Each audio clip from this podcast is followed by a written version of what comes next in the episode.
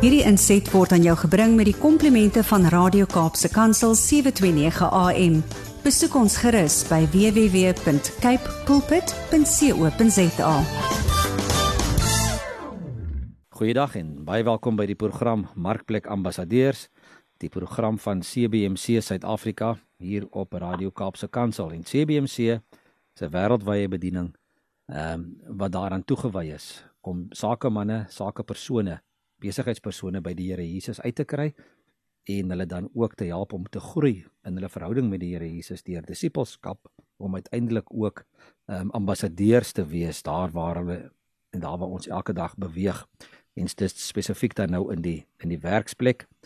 Ehm um, mens spandeer meeste van jou tyd in elk geval daar en ehm um, statistieke wys vir ons dat omtrent maar net 50% van mense wat in besigheid staan ehm um, in 'n kerk uitkom.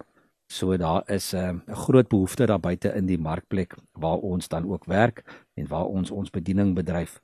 Maar ehm um, dis nie waar waaroor ek wil gesels vandag nie. Ons het vandag weer vir Frans Wakar met wie ons gaan verder gesels. Ons het die vorige paar weke met hom gepraat. Ehm um, François, welkom terug. Ons sê Harm baie dankie. Dis heerlik om weer saam te kuier saam met jou en luisteraars. Ja, ja, Frans, ons gesels sommer net lekker oor die oor die dinge van die Here en dit wat dit wat nodig is en die uitdagings waarmee waarmee ons elke dag sit en veral veral in die sakewêreld en die besigheidswêreld. Ons het verlede week so 'n bietjie begin gesels rondom herlewing. Jy het gesê jy jy, jy praat en skryf baie oor herlewing. En toe het ons gevra maar hoekom is herlewing nodig? En toe het jy so verduidelik, weet daar's so baie mense wat bietjie wegbeweeg het van die Here af en Dis so of die die woord van die Here eenkant toe geskuif is die laaste klomp jare. Veral ons sien dit in skole en ons sien dit in in in in in in, in regerings in van van owerhede se kante af en van die media se kante word die woord van God so amper half eenkant geskuif en gesê maar luister, daai is goed wat 2000 jaar terug geskryf is man. Julle moet jou nie meer daaraan steur nie. Ons lewe nou in 'n verligte eeu. Ons lewe in 'n nuwe tyd. Ek meen jy hoor daai woorde seker baie. Die die vraag wat ons ja. sommer net vir mekaar wil vra vir dag François is En en ek en jy ken die antwoord. Maar kom ons praat 'n bietjie in met die luisteraars van hoe relevant is die woord van God nog vandag in ons lewe? Ja, ek dink persoonlik as mens nou kyk dat die die hartseer van die tydens ons leef dan dan is daar nou die groot uitdaging wat 'n mens reg oor die wêreld het by die Bybel en net meer net amper sê gelees word of bestudeer word soos wat ons dit seker graag sou wou gehad het nie. Ek dink byvoorbeeld in die Here Jesus homself, hy is mos ons hy is mos ons voorbeeld wat ons moet navolg. Ja. Dat terwyl Jesus nog aan die kruis gehang het, het hy drie teksverse gekwoteer. En so hy was baie lief vir die skrif gewees, die woord en dis wat is dit 76 of so teksverse by in Matteus, die boek Matteus alleen gekwoteer wat net kom met die Ou Testament uit. So hy was baie baie lief vir die skrif. En dis iets wat mense nogal vind vandag in die gemeentes reg oor Suid-Afrika wat nie so sterk gepropageer word nie belangrikheid van die woord in die skrif in 'n mens se lewe. En as mense daaroor begin kyk dan dan dan, dan ontdek mens eintlik maar die skrif is wat in die staande genou. As mens nou 'n woord van die Here kry wat met jou praat en hy gee vir jou belofte wat jy lees kan vashou dan ehm um, ja, ek het enige 'n wonderlike ervaring gehad. Ek was besig met 'n met 'n preeketoer in Wallis en ek beland daar by uh, by die Bybelskool van Swansea en dit daar kom dis daar 'n ouerige dame wat my kom al dis soos ons sê my gaan wys. En toe wys sy vir my daar by die biblioteek. En daar so vyf ses vers daar staan. En sy al eerste leer uit en dis so die Bybel geskryf met die hand van die boek Genesis tot by die boek Openbaring. En toe sê sy maar dit is myne. Ek het hom met die hand geskrywe. Ja. en toe sê sy maar die tweede die derde die vierde volume is ook haar en sy besig tans met die vyfde keer wat sy besig is om die woord net te skryf met die hand en ek kon letterlik staan en kyk na die diepte wat ek kon sien hoe sy gevorm en verander is en dat die woord daar so getransformeer het wil ek amper sê ek eintlik dat skaam voel. Maar daar's 'n teksvers in die boek Deuteronomium wat sê dat as 'n mens 'n leier wil wees of 'n koning van 'n land dan moet 'n mens veel wetboek kry by die levitiese priesters om dit met die hand skryf wat jy dig by jou hart kan bære. Dis letterlik wat mense in die lewe van die Here Jesus ook gesien het jy weet. So die belangrikheid van die skrif wat vir 'n mens vorm en onderrig en wat met jou werk en met jou praat is eintlik iets wat begin skaars raak vandag in die wêreld daar buite kan. So, ek dink die uitdaging is om mens regtig Christus gelykvormig wil wees as 'n mens lees ek sou sê vir die skrif van 'n mens se lewe om dit te lees en tyd te spandeer daarmee maar dit is iets wat my skaars geword het hierdie staan. En daar's tog so baie uh, verwysings in die woord, né, nee, dat, dat hoe belangrik dit is. Ek dink sommer Psalm 119, uh, ek dink dit is 105 wat sê die woord is die lamp ja. vir my voet en die lig vir my pad en en ja. dan waar's lees in die Nuwe Testament ehm um, uh, waar waar Paulus skryf aan die Efesiërs oor die oor die wapenrusting. Dan sê ja. hy van die hy praat van die skild van geloof en hy praat van die helm van verlossing Uh, maar dan praat hy ook van die swaard van die gees, dit is die woord van God. Ja. En en 2 ons ken almal van 2 Timoteus 3 vers 16 wat sê wat die waarde is van die woord, né? Die die waarde ja. wat daar is om die woord van God te bestudeer en te ken, um, om ons op die regte pad te lei, verkeerdhede reg te stel, regte lewenswyse te kweek.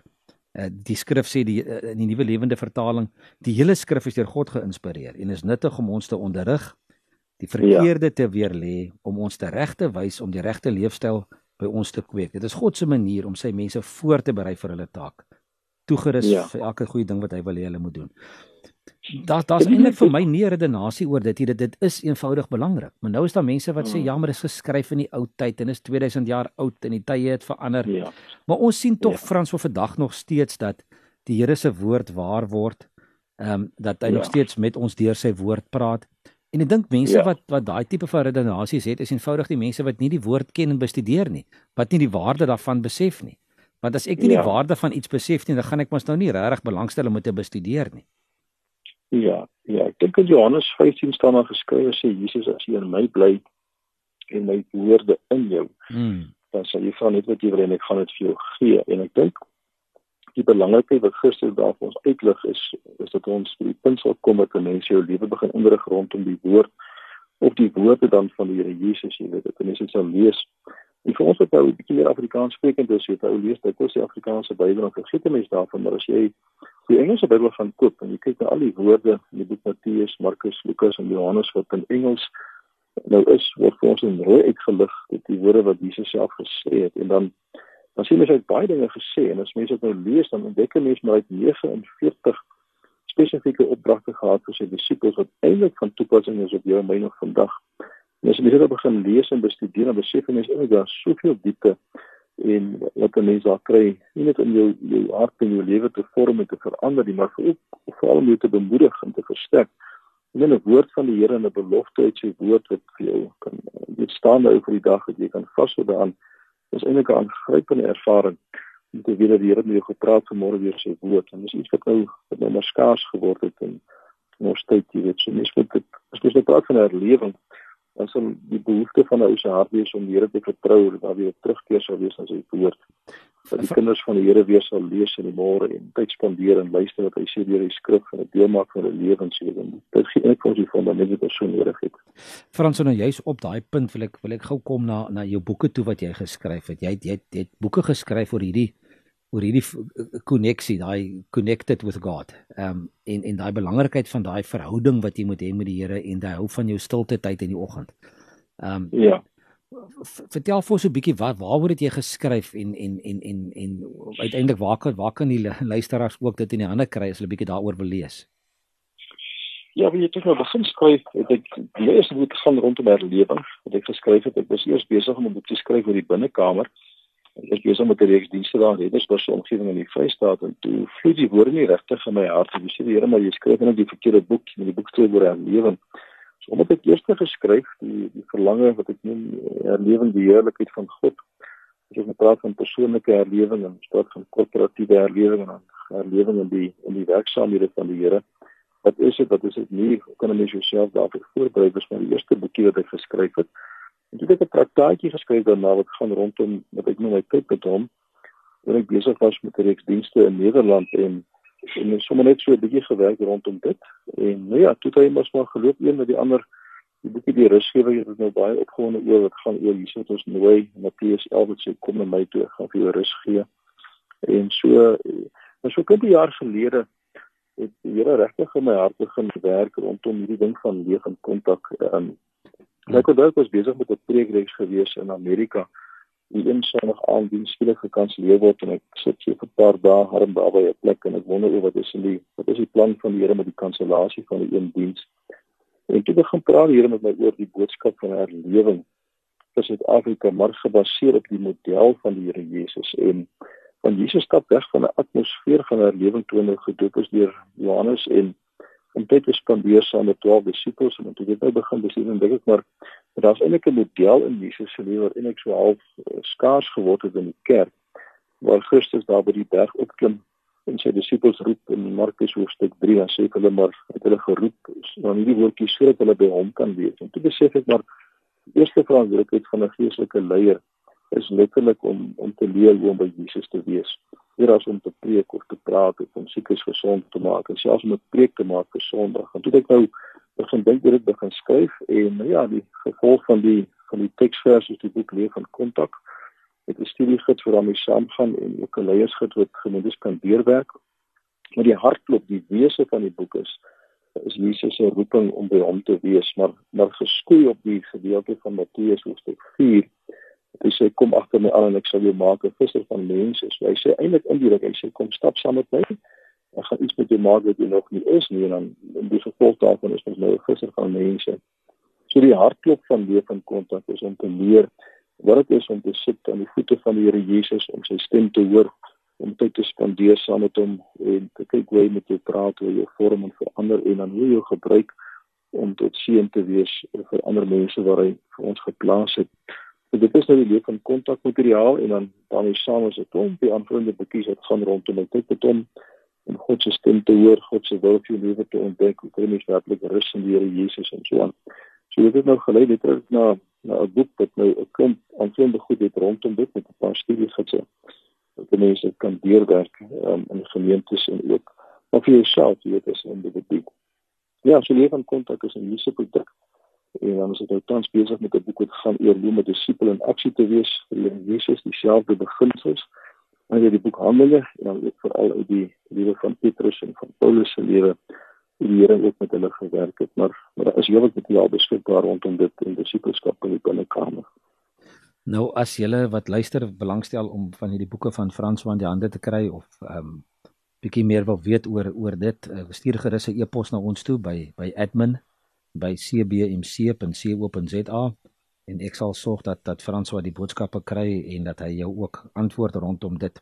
François, jy het nog gepraat oor in Matteus 4 waar Jesus die disippels geroep het. Interessant genoeg, dit is net nadat hy in die woestyn deur die deur die duiwel versoek was. En ja. en, en daai tydperk wat hy 40 dae tydperk wat hy daar spandeer het. Maar dis ook net ja. voor hoofstuk 5 waar hy die bergpredikasie soos ons hom ken, ehm um, ja. ge, gelewer het. En dan daarvan vers 3 af in Matteus 5.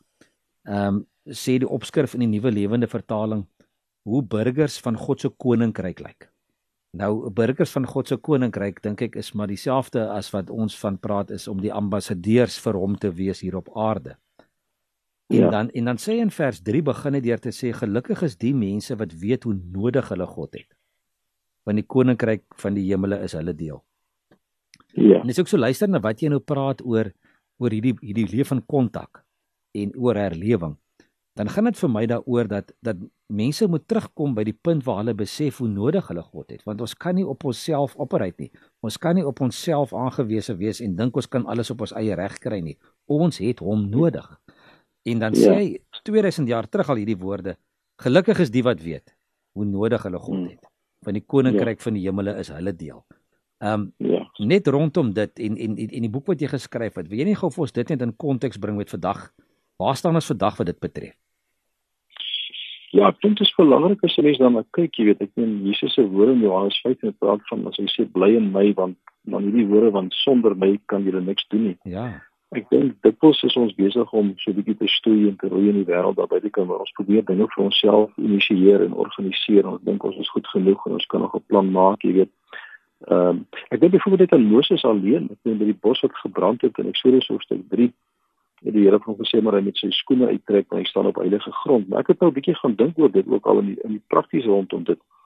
En die vraag is hoekom moes Moses sy skoene uittrek? En ek dink daar's 3 of 4 redes daarvoor. Een is net die eenvoudige rede is dat terwyl Moses in die woestyn was, ek dink daar was nie 'n weet wat mense noem weet 'n winkel wat hy kan gaan skoene koop nie. Sy skoene was was self gemaak gewees. Hy het skaapvel gebruik en blokkevel en sy eie skoene gemaak.